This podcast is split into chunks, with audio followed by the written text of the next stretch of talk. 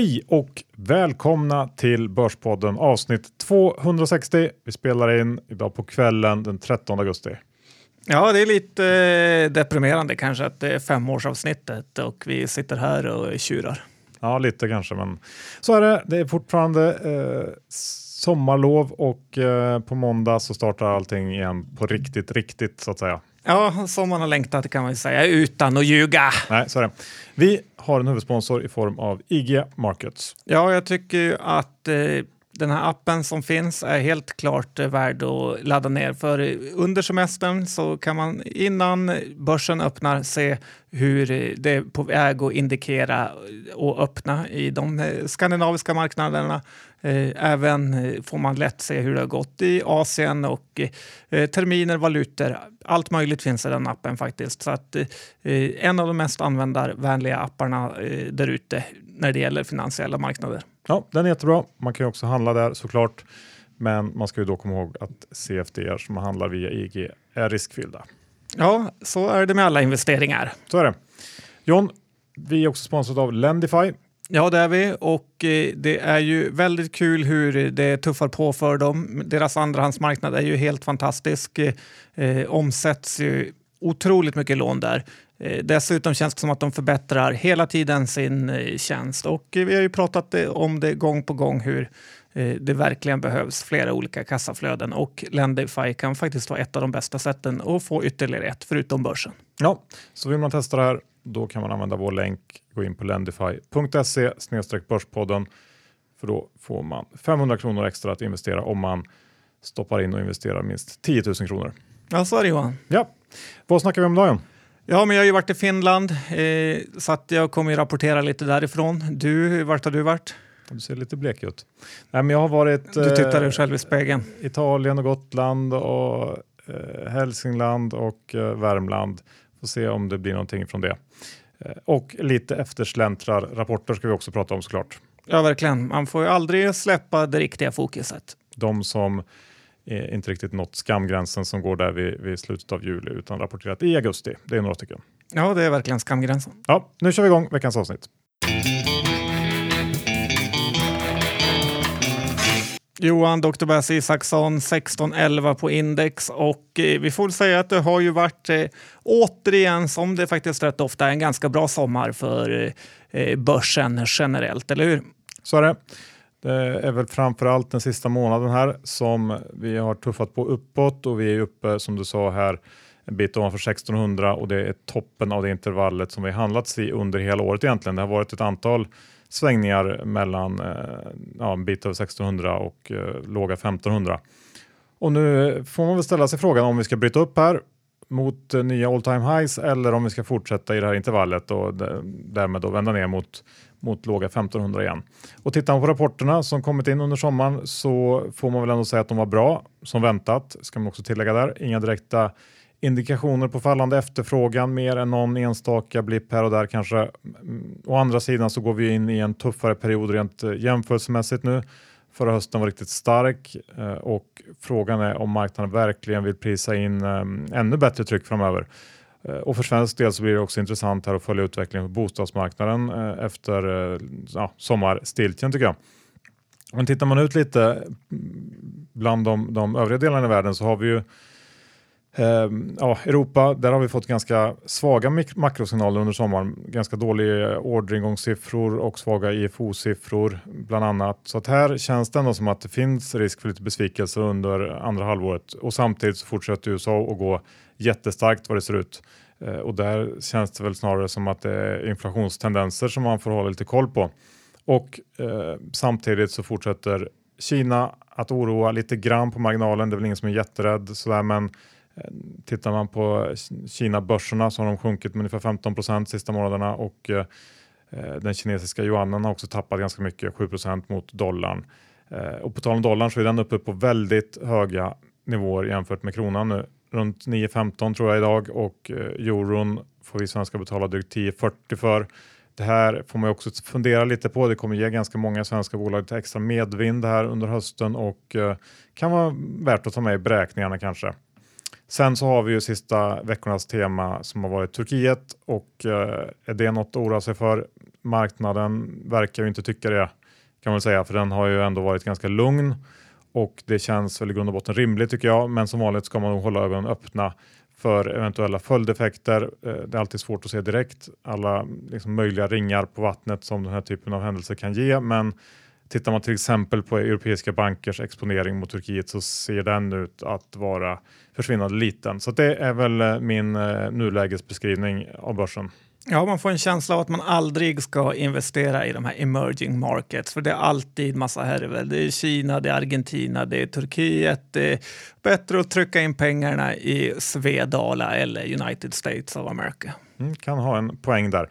Eh, och då får man väl ändå ta med Finland där som någon slags eh, Svedala-exempel. Du har ju varit där nu. Kan ja, du... det har jag varit och det är så typ alla svenskar har ju varit antingen i Norge eller Danmark eller i båda två ganska mycket. Men det är aldrig någon som har varit i Finland och eh, jag gillar att vara lite annorlunda så att jag spenderar nio dagar där faktiskt. Och jag måste säga att Finland kan vara på väg att bli ett nytt Norge eller eh, Schweiz faktiskt. Eh, jag har ju dissat Finland genom hela podden här, men nu är jag helt vänt. Du börjar förstå min min fascination för landet, eller? Ja, de är rätt lika dig också, förutom att de är lite kortare. Men det, jag förstår att du gillar dem. Eh, men det är väldigt uppstyrt där. Det är extremt bra vägar, väldigt rent och eh, tyvärr får man väl säga för oss svenskar som nästan överallt nu för tiden är det ju faktiskt dyrt också.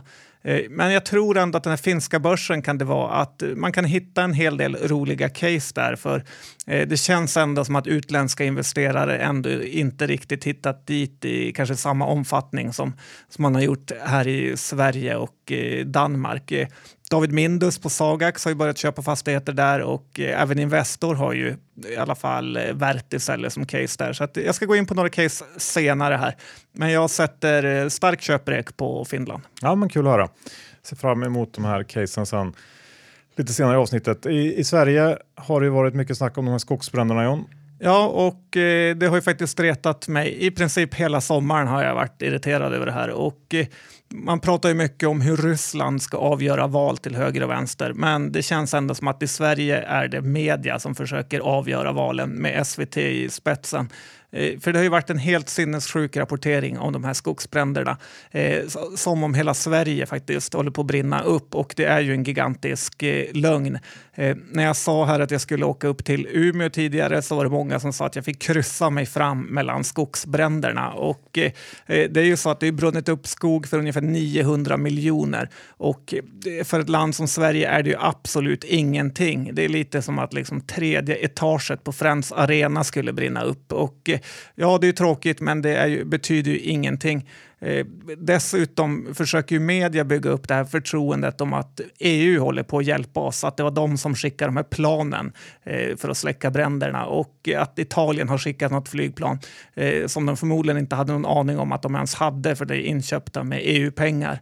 Eh, och ingen italienare visste att de ens hjälpte Sverige. Så att, eh, nej, det, och sen undrar jag hur mycket det hjälper att liksom tömma 20 badkar vatten över en skogsbrand, men en helt annan sak. Eh, nej, det här har stört mig hela sommaren Johan, men ja. nu lämnar vi det. Man kan helt enkelt konstatera att du har genomskådat det här då. Ja, faktiskt. Ja. Ska vi avsluta första delen med lite uh, timing-snack? Ja, men det tycker jag. Det är ju kul med börsen att det spelar ibland ingen roll hur mycket tid man lägger ner på den. För hamnar man i otakt eh, så går det riktigt illa och ibland har man helt eh, rätt eh, timing. Eh, oftast är man i otakt, det får man ju komma ihåg. Det är det klassiska. Och, eh, för att om alla tyckte det var lätt eh, så skulle alla göra det. Vi hade ju Peter Benson här på Börsplus. Eh, eh, de hade ju en svacka faktiskt ett tag och om du kommer ihåg så hånar jag dem en hel del och kallar dem för SvD Börsminus. Ja. Jag vågar inte riktigt ta upp det när han var här, stor i orden som de brukar säga. Men det, det, var kul tycker jag. Men nu har ju precis allt han och de rört i blivit bra. Det har varit Mekonomen, det har varit Moberg, det har varit Autoliv-uppdelningen och eh, för att inte tala om det här BIM Object som eh, är uppe i 50-lappen här i fredags och måndags. Och eh, jag tänkte, då kom jag att tänka på Jan Dinkelspiel som när han var här var ju han inne i ett streak och precis efter det så kollapsade alla hans innehav. Eh, jag tror hans portfölj tappade 20-30 procent. Eh, så att man ska komma ihåg att det faktiskt är hur mycket tid man än lägger ner så kommer man ha svackor och då gäller det bara att kämpa vidare. Då är det dags att snacka lite bolag John och jag är ju väldigt nyfiken på att höra om dina Finlandsbolag. Så vad har du hittat i Finland under din, eh, din roadtrip där? Ja, men vi kan väl ta ett bolag som är lite tråkigt att den här podden inte kommer för en vecka sedan eftersom eh, Marimekko är det och eh, de släppte sin rapport och bolag, det visade sig vara väldigt bra. Men det här är ju det bolaget som kanske är mest känt för sina blommiga mönster, kan man säga det? Ja, precis. Konstiga mönster i alla fall. Och eh, det är ju så att asiater älskar det här. Asiater älskar för övrigt allt med Finland och eh, det känns som att Finland har snott det här Lappland-epitetet och eh, lurat på japaner och kineser det. För ja, överallt i Finland finns det asiater. Eh, Marimekko eh, som bolag då, de säljer mycket både via nätet, återförsäljare och egna butiker. Och eh, det här var en av de få butikerna jag tyckte alltid det var ganska mycket folk i. Eh, bolaget är värt ungefär en och en halv miljard kronor och eh, som sagt lämnade i torsdags, eller om det var fredags, en riktig superrapport och har nu på några få dagar gått upp nästan 30 procent. Eh, det är inte heller, fortfarande är inte jättedyrt och de delar ut just under 3 procent. Visst, det finns en moderisk här, men jag tror inte att den kommer att eh, förändras i det korta perspektivet. Så att, ja, håll koll på Marimekko. Mm. Kan nog vara ganska spännande att grotta ner sig i. Vad har du mer då? Ja, jag var ju i Imatra, en stad som ligger nära ryska gränsen. Det känns inte som att många svenskar har varit där kan man säga. Eh, men och man fick ju också känslan där att relationerna mellan Ryssland och Finland är väldigt eh, bra och avspända. Så att oroa sig för något krig just nu känns ju helt eh, galet. Eh, och där i Imatra bodde jag ju för övrigt på Scandic Hotels som låg i ett slott och var väldigt fint och fullbokat. Så att det kan vara en liten, liten sån där inne i en match i matchen. Men de har ett gigantiskt, eller i alla fall väldigt stort vattenfall i Imatra som Fortum har och eh, den står ju och tickar pengar dag eh, som natt. Eh, och jag tänkte det, om man vill ha en utdelningsaktie så tycker jag verkligen man ska satsa på Fortum.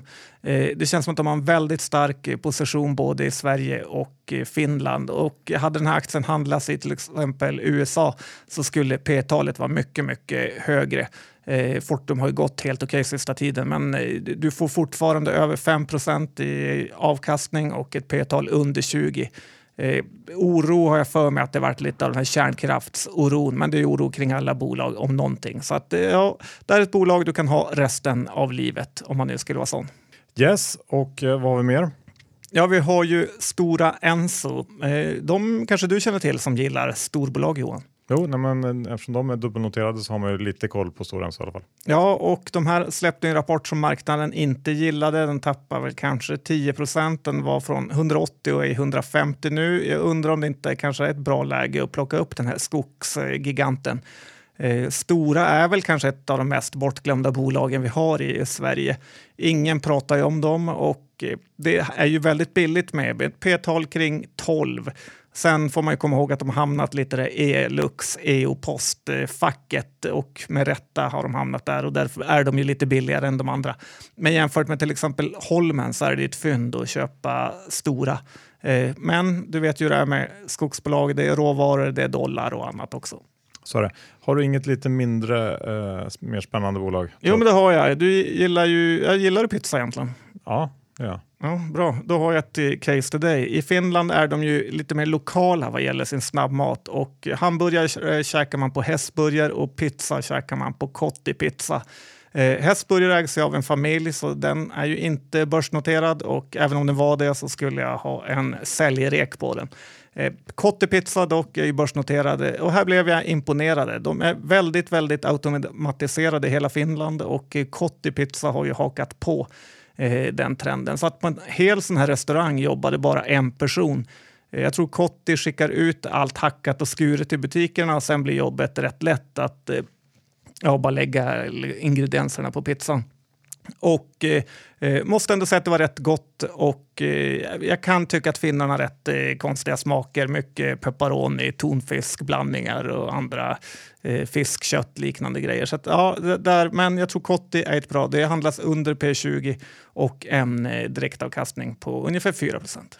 Ja, det har väl varit sett upp lite som någon slags eh, småspararfavoriten då sista året på börsen får man väl säga. Den har väl gått ganska bra också, Kottipizza. Ja, på tre års sikt har den gått väldigt bra, stått eh, lite stilla nu. Men jag tror att man kan vara något eh, på trenden. Det känns, eh, det är väl enda finnarnas enda nackdel att de börjar kännas rätt feta.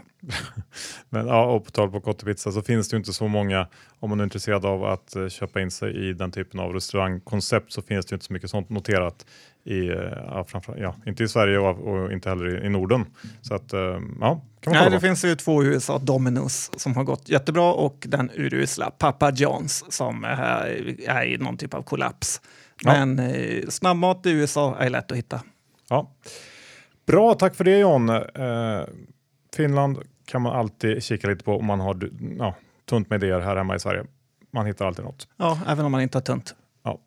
Eh, ska vi gå över till spelbolagen som har eh, som grupp haft en riktigt tuff sommar. Det är väl den sektor kanske som gått allra sämst skulle jag tro på börsen och eh, jag vet inte vad det riktigt beror på. Var förväntningarna kanske lite för höga inför fotbolls-VM eller är det så att eh, tuffare konkurrens på reglerade marknader börjar börjar synas lite mer. Det, det är ändå en, en, eh, börjar utgöra en allt större del av de flesta spelbolags intäkter. Så att, eh, men ja, Eh, jag tänkte vi kan titta på två av bolagen. Leo Vegas som ju var eh, en riktig darling under förra året har eh, och som gick ut med sin ja, en omvänd vinstvarning inför sin Q2 kom in med siffror som var ja, i linje med, med den här vinstvarningen såklart men gick också ut och berättade om hur Q3 hade börjat och det var svagt, vilket då fick aktien att tappa nästan 15, 15 på rapportdagen.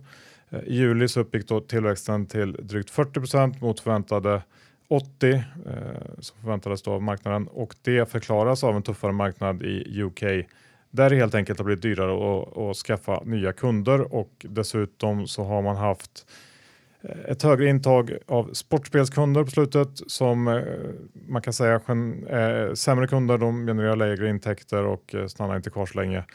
Och dessutom så har man också tappat ner kunder på grund av sin nya tror jag eh, KYC policy, alltså Know Your Customer Policy. Så att allt som allt, eh, regleringar och tuffare krav börjar synas och, och i kombination med, med eh, hård konkurrens. Eh, bolaget ska nu fokusera mer på kasino som ju är en kärnprodukten. Det är väl fortfarande 90% av omsättningen som är, som är kasino och förhoppningsvis så ger väl det bättre tryck i tillväxten igen. Aktien har faktiskt tappat 25% nu de sista tre månaderna och tror man på det här bolaget så kan det vara ett bra ingångsläge.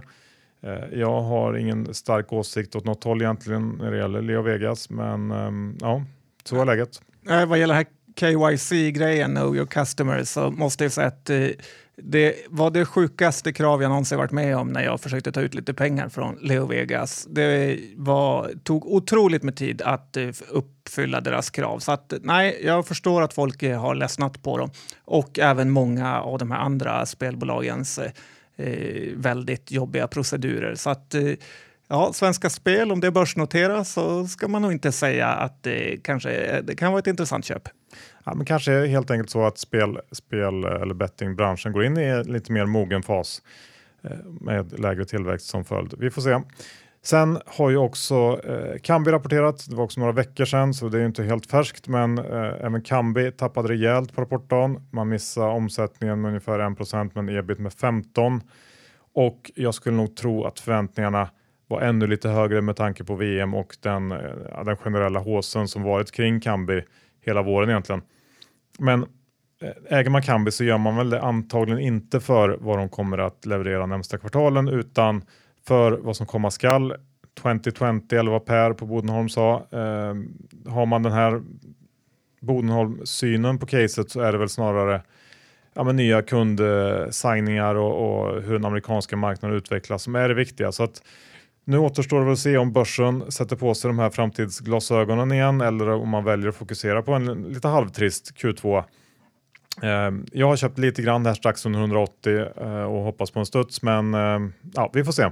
Ja, jag tycker att det är helt groteskt övervärderat och eh, jag förstår inte hur börsen kan ta ut så mycket i liksom, förskott när det ändå inte rinner ner. Så att, nej, jag tror inte att du har rätt där. Nej, som sagt, det finns två sidor om myntet. Men det man kan säga faktiskt, om man ska flika in någonting mer gällande Kambi, är att jag, eh, jag kollade på eh, Paddy Power Betfairs eh, rapport och det var ju de som köpte eh, FanDuel i eh, USA. Eh, alltså konkurrenten till, till Cambys eh, Draft Kings heter de som de signade upp där. Och eh, de hävdade att eh, FanDuel kunder eh, hade verkligen omfamnat sportspel eh, i USA och att man har haft en väldigt hög, eh, jag tror 80-procentig eh, conversion rate på de som spelar eh, sådana här fantasyspel som nu valde att börja spela på sportspel. Så att eh, lite liten eh, sån här framtidspositiv blipp där från Paddy Power Betfair. Ja, jag har aldrig varit en 2020 vision guy-kille heller. Exakt, så. du är mer en day now, to day. now, now eh, kille. Så vi lämnar, med det sagt så lämnar vi spelbolagen. Eh, det är väl antagligen rätt det du säger för de går ju dåligt som grupp allihop så att det är helt enkelt så att de är inte populära just nu.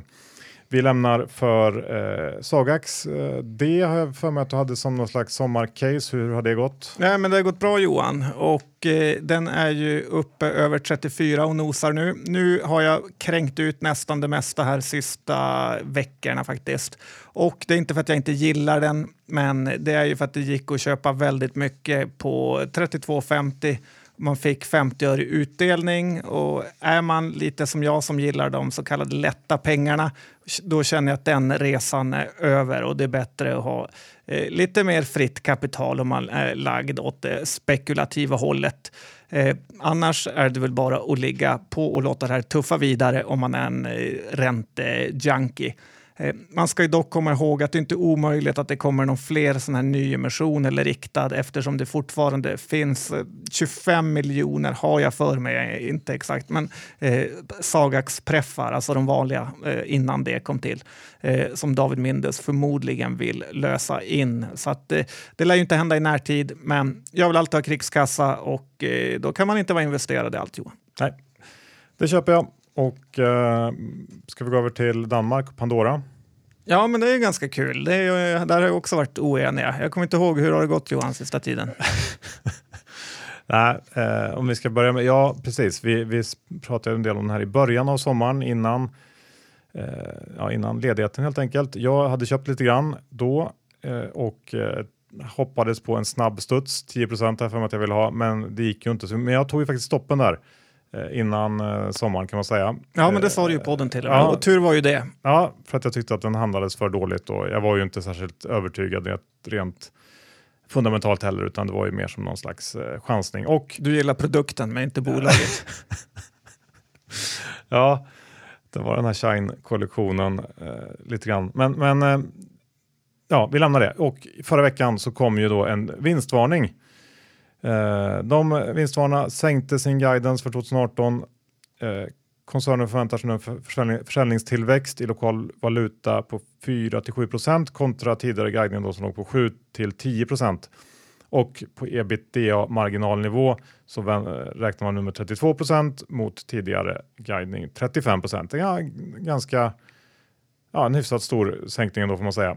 Och den här viktiga Belloc-försäljningen tappade 7% i omsättning på årsbasis och det är väl den största orsaken antar jag till den här nya guidningen och eh, samtidigt hade man nya produkter inom ringar, halsband och örhängen haft en bra start. Kanske också Shine-kollektionen, jag vet inte, eh, jag kommer inte så långt men Ska man ta fram någonting positivt kan man väl ändå säga att kassaflödet var ganska okej okay och eh, antalet eh, fordringar som har varit eh, uppe på tapeten eh, under våren här förbättrades. Eh, och Sen ska vi också säga att vdn fick avgå. Eh, och I samband med rapportpresentationen så sa bolagets finanschef att de ser en, en väg tillbaks till en marginal på 35% redan 2019 och lyckas man med det så är ju den här aktien eh, väldigt billig får man ändå säga. Men marknaden tror uppenbarligen inte att så blir fallet och ja, John, det kanske är rätt av marknaden att inte tro på det. Nej, men det känns som att de har ljugit nu i flera års tid. Dessutom så är det de ju säljer någon typ av glitter, skräpgrejer som inte har något värde. De här Tiffany som säljer diamanter i USA kan man ju förstå. Det är ju alltid någon som vill ha diamanter. Men det här är ju, ja, jag förstår det inte och det har ju varit helt rätt. Det har det varit John, det får jag ändå säga att eh, du har eh, ja, gjort snyggt. Sen, eh, ja, jag tror ändå att det kan vara kul att hålla koll på den här aktien för att det, den kommer att röra sig väldigt mycket. Det kommer finnas lägen antagligen åt bägge håll både upp och ner kanske. Ja, det brukar ju Eh, så kunna att- bli fantastiska trades när de är mycket blankade. Så kan man ju få 20-30 procentare upp på en enda dag med lite flyt. Så att eh, ja, det behöver inte vara fel att chansa och försöka se på den här studstraden igen nu. Eh, om det någon gång det ska lyckas så kanske det är nu. Vi får se. Vi kommer säkert att återkomma till Pandora under hösten. Sen tänkte jag lite snabbt också riva av Securitas som eh, rapporterat riktigt sent i rapportperioden, kanske senast av alla storbolag eller i alla fall eh, topp eh, tre kanske. Eh, klarar den här augusti-skamgränsen med nöd och näppe. Eh, Securitas rapporterar lite bättre än väntat.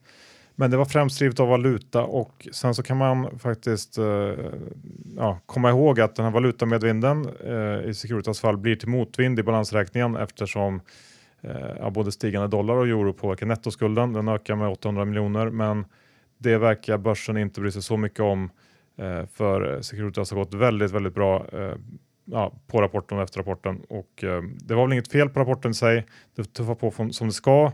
Andelen intäkter som kommer från eh, tekniska lösningar växte med ungefär 20% och står nu för en femtedel av den totala försäljningen.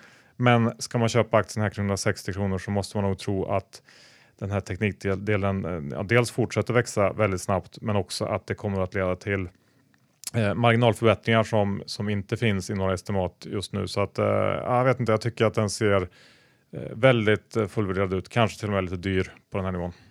Ja, så kan det vara. Jag förstår dock inte ditt resonemang med att nettoskulden uppvärderas. Vi antar ju att I deras, kronor till- alltså. ja, men jag menar, deras tillgångar bör ju också uppvärderas. Alla halvkriminella vakter. Ja, lite så. Ja. De är värda en hel del Johan. Ja, så kan man se på det. Eh, något mer undrar över?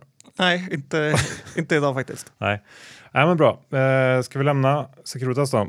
Ja, gärna. Och eh, gå över till en, eh, en aktie på tal om timing som du var inne på här eh, tidigare. Eh, du har varit lite, lite och haft otur i. Jag tänkte på Hövding. Ja, man eh, skapar sig otur eller vad jag- brukar säga. Eh, det här är väl ändå ett rätt sjukt case tycker jag att jag har haft och totalt misslyckats i. Och eh, jag hade den i många, många månader, kanske halvår till och med och det är inte vanligt för att vara mig. Det kom två helt okej, ganska bra rapporter men aktien gick ändå bara ner. Sen krängde jag ut alla mina aktier och de sista kring 8 kronors nivån.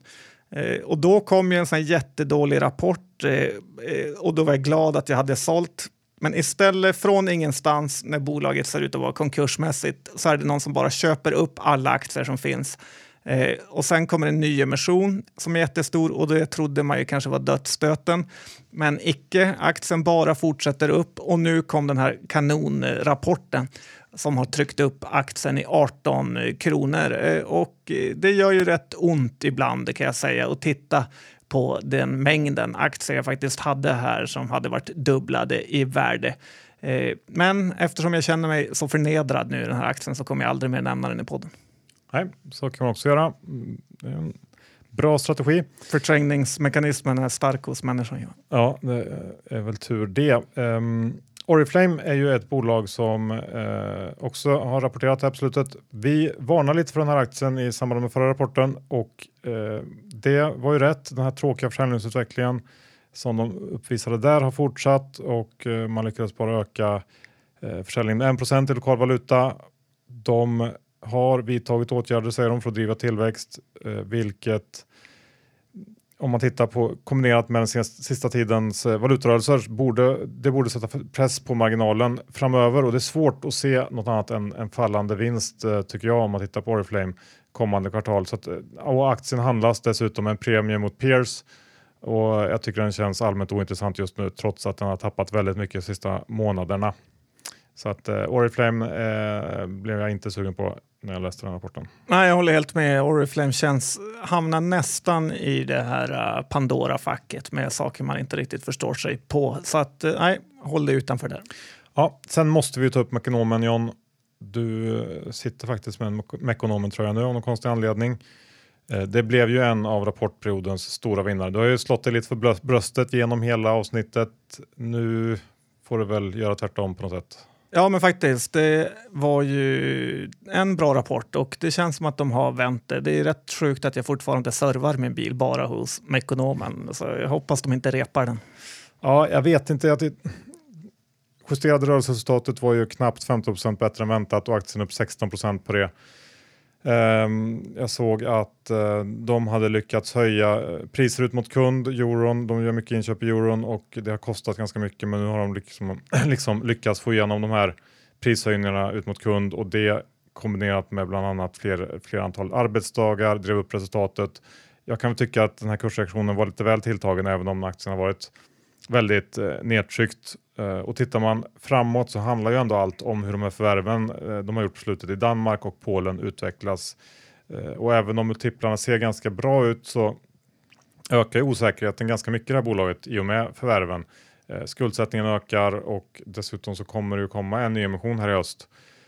Eh, och hade jag ägt den här aktien så känns det ju ändå som att 160 kronor är ganska bra betalt givet att eh, ja, allt det här ska komma. Ja, det är så otroligt konstigt av ekonomen att först lägga ner alla butiker i Danmark för att de inte kan hantera det och sen gör de ett jätteförvärv i Danmark. Det är lite av ett tecken på deras uselhet ändå och jag ökar min torrkortposition.